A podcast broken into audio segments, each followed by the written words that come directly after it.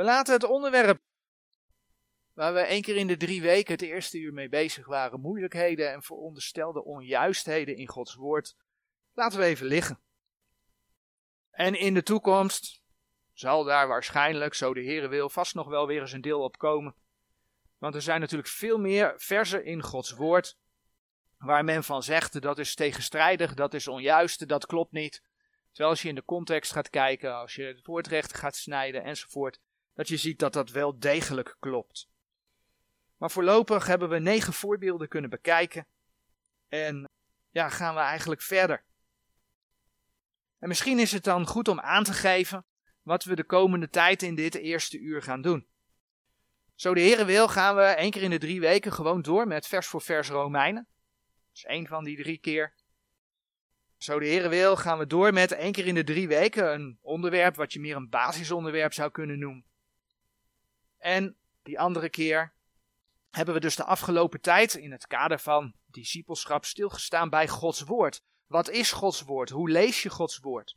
Het recht snijden van Gods woord. Er zijn geen tegenstrijdigheden in Gods woord. Allemaal dat soort onderwerpen. En nou is het de bedoeling om nog een aantal malen stil te staan bij hoe Gods woord te lezen.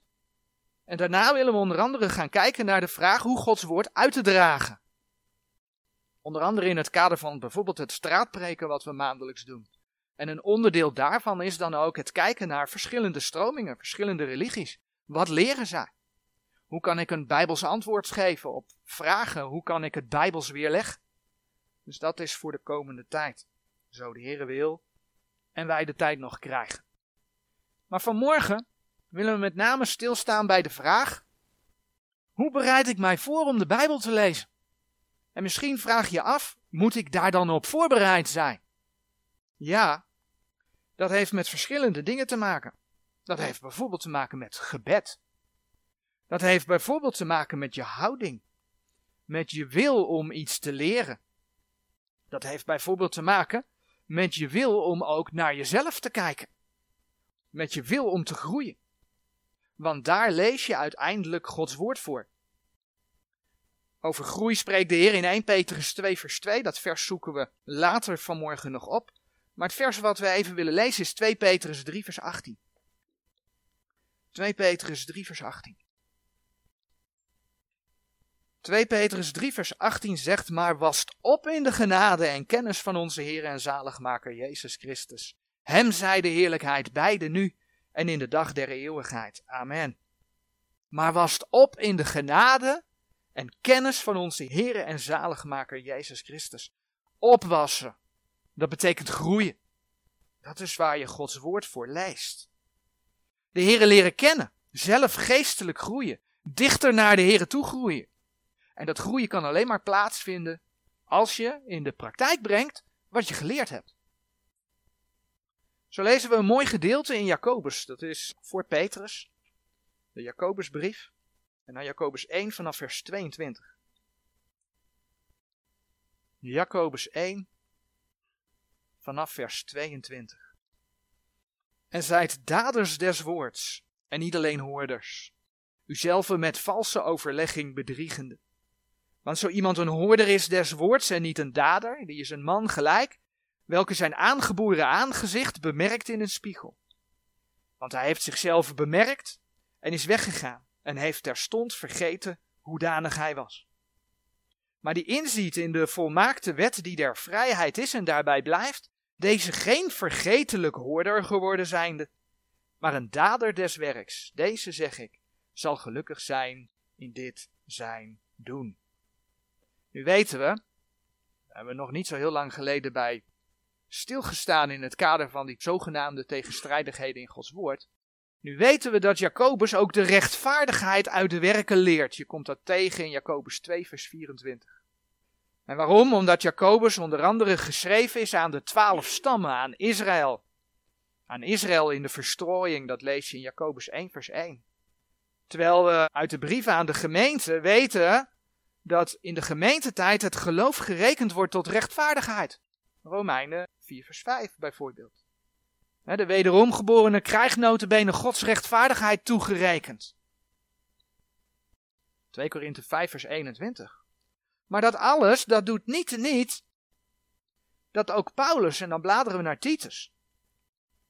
Als je terugbladert van Jacobus, kom je eerst Hebreeën tegen, dan Filemon en dan Titus. Dat neemt niet weg dat ook Paulus bijvoorbeeld in Titus 3 vers 8 het volgende zegt. Titus 3 vers 8.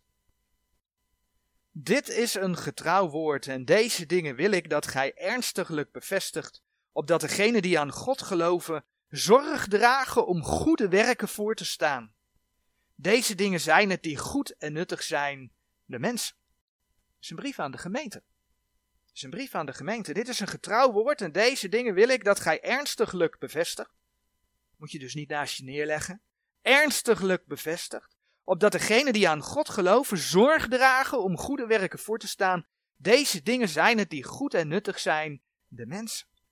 Dus ook Paulus laat zien dat het doen van goede werken goed en nuttig is voor jou als gelovige. Nee, je bent er niet behouden door. En nee, je blijft er niet behouden door. Maar het heeft wel te maken met je geloofswandel. Het heeft te maken met je groei. Het heeft te maken met een eventuele beloning in de eeuwigheid. Zo kun je als gemeentelid dus Jacobus 1, vers 22 tot en met 25 lezen. Je moet het woord van God niet alleen horen, maar ook doen. En de vraag is, ben je daartoe bereid? Het woord van God is als een spiegel. Het laat je zien wie je bent. En dan is het niet bedoeling dat je hard wegloopt en vergeet wat je gezien hebt. Nee, dan is het de bedoeling dat als je iets ziet door het lezen van Gods woord, als je in die spiegel kijkt, dat je daar iets mee doet. Dan word je namelijk gezegend in je handel en wandel. Dan ga je namelijk groeien. En daarbij willen we nog een aantal versen vanmorgen opzoeken. En dan beginnen we in Psalm 119. Psalm 119, vers 16. Ik zal mijzelf vermaken in uw inzettingen, uw woord zal ik niet vergeten. Doe wel bij uw knecht dat ik leven en uw woord bewaren. Ontdek mijn ogen dat ik aanschouwe de wonderen van uw wet.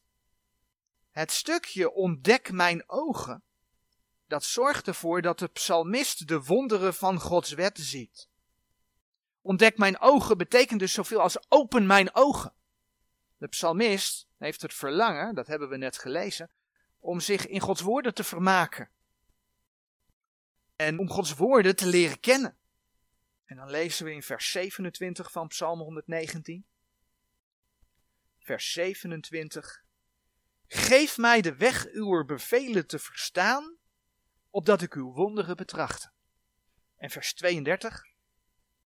Ik zal de weg uw geboden lopen, als gij mijn hart verwijt zult hebben. Dus de psalmist wil de woorden van de Heer niet alleen kennen, maar hij wil ze ook uitvoeren.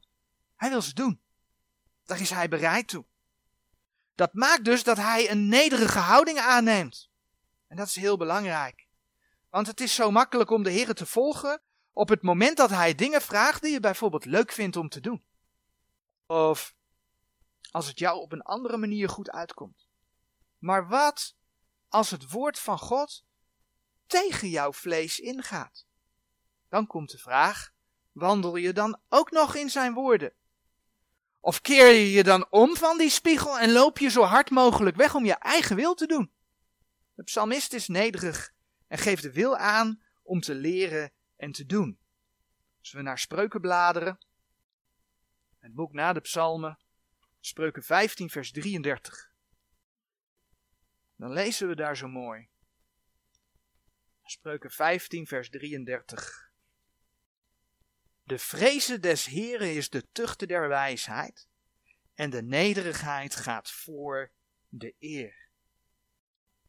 Als je als wederom geborene besluit om Gods woord te gaan lezen en ook te willen doen, dan mag je allereerst beseffen dat je door de wedergeboorte verzegeld bent met de Heilige Geest. Je hebt Gods Geest ontvangen. De mens van nature, en dan bladeren we naar 1 Korinthe 2. De mens van nature kan Gods woord niet begrijpen. De mens van nature, als je niet gelooft, als je niet wederom geboren bent, kan Gods woorden niet begrijpen. In 1 Korinthe 2 vers 14 lezen we, maar de natuurlijke mens begrijpt niet de dingen die des geestes God zijn, want ze zijn hem dwaasheid. En hij kan ze niet verstaan omdat zij geestelijk onderscheiden worden. Dus een ongelovige kan het niet begrijpen. Maar als gelovige ben je verzegeld met de Heilige Geest. En de Heere wil je door zijn geest de zicht geven op zijn woorden. Zo lezen we in 1 Korinthe 2 vers 9 en 10.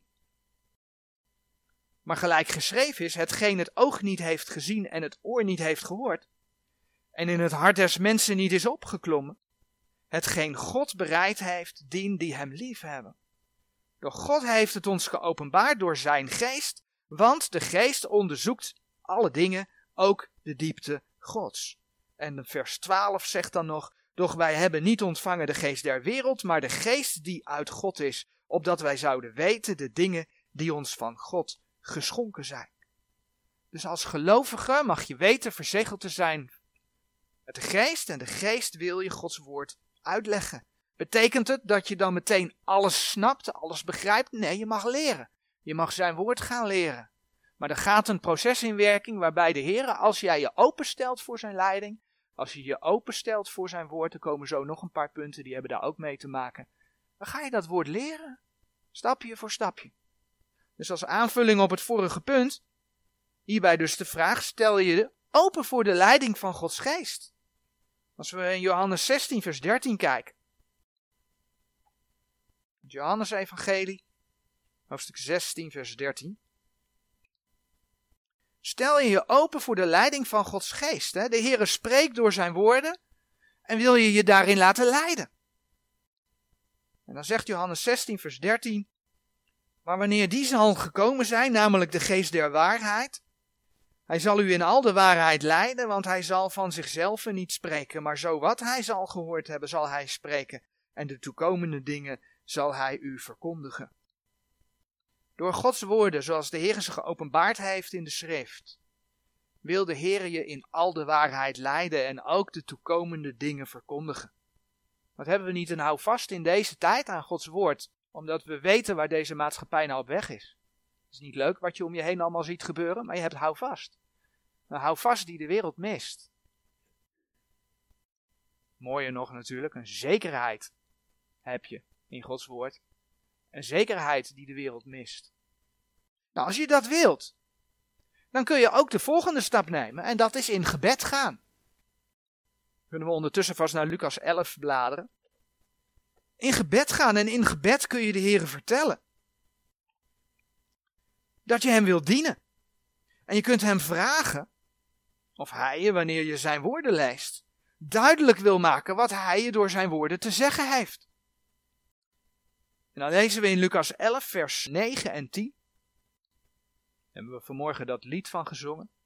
En ik zeg u lieden, bid en u zal gegeven worden, zoekt en gij zult vinden, klopt en u zal open gedaan worden. Want een iegelijk die bidt, die ontvangt, en die zoekt, die vindt. En die klopt, dien zal open gedaan worden. En ja, dat is opnieuw heel makkelijk voor dingen. Alle dingen die je leuk vindt om te doen. Of voor feitelijke leerstellige dingen over de toekomst bijvoorbeeld. Hè? Leren over de opname van de gemeente. Leren over het duizendjarige vrederijk. Maar dat zijn niet dingen die je persoonlijk raken. Maar wat als het woord je persoonlijk raakt? Als het je vlees aangaat? Als je het moeilijk vindt om de strijd aan te gaan? Omdat het nou eenmaal makkelijker is om je vlees te volgen? Om te doen wat je leuk vindt? Nou, ook dan wil de Heer je helpen wil de Heer je Gods woorden duidelijk maken en helpen om ze in de praktijk te brengen. Dus breng het in gebed en vraag de Heer niet om bevestiging van vleeselijke gedachten, maar om je te leiden naar zijn wil. En als je zo om begrip vraagt, voor het begrijpen van Gods woorden, dan zul je zien dat Hij dat gaat geven. Je mag Hem om wijsheid vragen, je mag Hem om inzicht vragen. Hij wil je daarin leiden. Maar als je dan Gods woorden gaat lezen, een heel belangrijk punt in deze tijd. Mensen zijn gewend om als ze het niet snappen te denken, oh dan zal het wel fout zijn in de Bijbel. Het is een beetje aangeleerd. Maar als je dan Gods woorden gaat lezen, dan neem je de houding aan dat je niet gaat zoeken naar dingen die volgens jou niet kloppen. Je gaat er dus niet van uit dat Gods woorden fouten bevatten. Laten we naar Psalm 19 bladeren. Psalm 19, vers 8. Daar lezen we. De wet des Heren is volmaakt. Dat is je uitgangspunt. De wet des Heren is volmaakt. Het is, het is goed, het is compleet. Bekerende de ziel. Die getuigenis des Heren is gewis. De slechte wijsheid gevende. Hier staat de wet des Heren, dat mag je betrekken op het hele woord. Gods woord is de waarheid. Johannes 17, vers 17. Is volmaakt. Het is goed. In Matthäus 22, vers 23 tot 33, daar zien we een voorbeeld van de Sadduceeën. En die Sadduceeën, dat waren dus schriftgeleerden. Maar in Gods woord lees je dat die schriftgeleerden gewoon de schrift niet geloofden.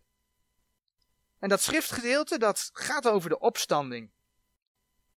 En Matthäus 22, vers 23, laat zien dat die Sadduceeën daar niet in geloofden. Te diezelfde dagen kwamen tot hem de Sadduceeën die zeggen dat er geen opstanding is. En vraagden hem. De Sadduceeën zeiden dus dat er geen opstanding is. Nou, als je in Jesaja 26 kijkt, een schriftgedeelte wat de Sadduceeën toch echt tot hun beschikking hadden in die tijd. In Jesaja 26 vers 19. Daar lezen we het volgende. Jesaja 26 vers 19. Uw doden zullen leven, ook mijn dood lichaam, zij zullen opstaan. Waakt op en juicht, gij die in het stof woont, want uw dauw zal zijn als een dauw der moeskruiden, en het land zal de overledene uitwerpen. Dat gaat over opstanding. En we lazen net dat de Sadduceeën zeggen dat er geen opstanding is. Dus zij geloven de schrift niet. Want Jesaja 26 vers 19 spreekt erover. Sterker nog, Ezekiel 37 vers 1 tot en met 14 spreekt ook over een opstanding. Het staat niet eens in één vers, het staat in veel meer gedeelten in de profeten. Dat er een opstanding zal zijn. Dus er is een opstanding. En het gaat me nu niet om de details, maar gewoon het feit, er is een opstanding. En de Sadduceeën geloofden het niet. Terwijl ze dat echt wel gelezen hebben als de schriftgeleerden. De Heer Jezus die zei dan ook in Matthäus 22 vers 29. Maar Jezus antwoordde en zeide tot hen, gij dwaalt, niet wetende de schriften, noch de kracht gods. Dan ben je schriftgeleerde.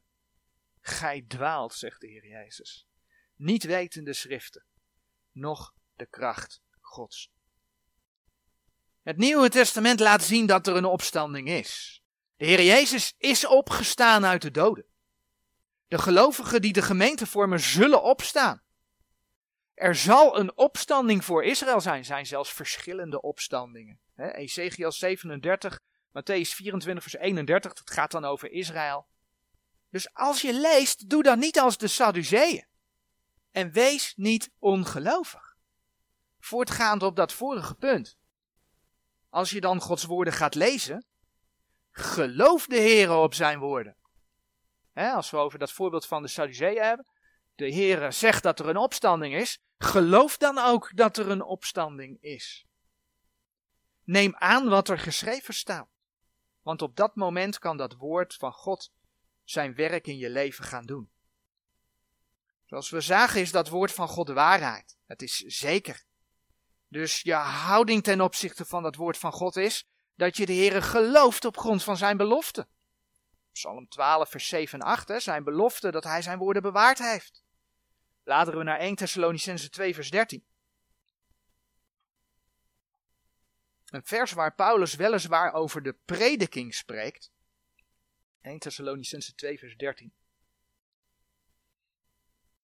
Daarom danken wij ook God zonder ophouden dat als gij het woord der prediking Gods van ons ontvangen hebt, gij het aangenomen hebt, niet als der mensenwoord, maar gelijk het waarlijk is, als Gods woord, dat ook werkt in u die gelooft. Maar dat geldt natuurlijk ook als je zelf Gods woorden leest. Geloof je wat je leest? Want dan pas kan het woord zijn werk in je leven doen. Accepteer je wat je leest. Pas je toe wat je leest. Nou, in Handelingen 19, vers 18 tot en met 20, daar lezen we een mooi voorbeeld hoe mensen het woord van God hoorden en gewoon toepasten. Geen getwijfel, gewoon radicaal. Huppakee, afrekenen met dat oude leven, afrekenen met dat vlees. Handelingen 19, vers 18 tot en met 20. En vele dergenen die geloofden kwamen, beleidende en verkondigden hun daden. Vele ook dergenen die ijdele kunsten gepleegd hadden, brachten de boeken bijeen en verbrandden ze in aller tegenwoordigheid. En berekenden de waarde derzelfde en bevonden vijftigduizend zilveren penningen. Alzo wies het woord des Heren met macht en nam de overhand. Dat is wat het woord bewerkt. Dus als je dingen van je vlees ontdekt in Gods woord, hebt in de spiegel gekeken, dan draai je je niet om en loop je hard weg en ga je je eigen ding doen, dan ga je ermee aan de slag. Laat het er niet bij zitten, maar ga de strijd aan. Reken af met het oude leven. Want alleen dan, alleen dan kun je groeien in je geloof. 1 Petrus 2 vers 2 zoeken we als laatste tekst op in het eerste deel van morgen. 1 Petrus 2 vers 2. Want alleen dan kun je groeien. Groeien in je geloof. Ga je de Bijbel lezen met inderdaad ook de wil om te groeien. Is dat je intentie? Zoals 1 Petrus 2 vers 2 zegt, en als nieuw geboren kinderkens, zijt zeer begeerig naar de redelijke onvervalste melk, opdat gij door dezelfde moogt opwassen. Als je dat woord dat je gaat nemen, als je daar begeerig naar bent, als je dat laat zoals het is, als je het toepast, als je het aanneemt zoals het is, als je het toepast, dan ga je opwassen, dan ga je groeien. Dan ga je ook die andere punten, ga je toepassen. En dan ga je groeien in je geloof. En dan merk je dat de Heer je zegent in je doen. Dan merk je dat de Heer je zegent in je goede werken, die Hij je te doen gegeven heeft in je geloofswandel. Amen.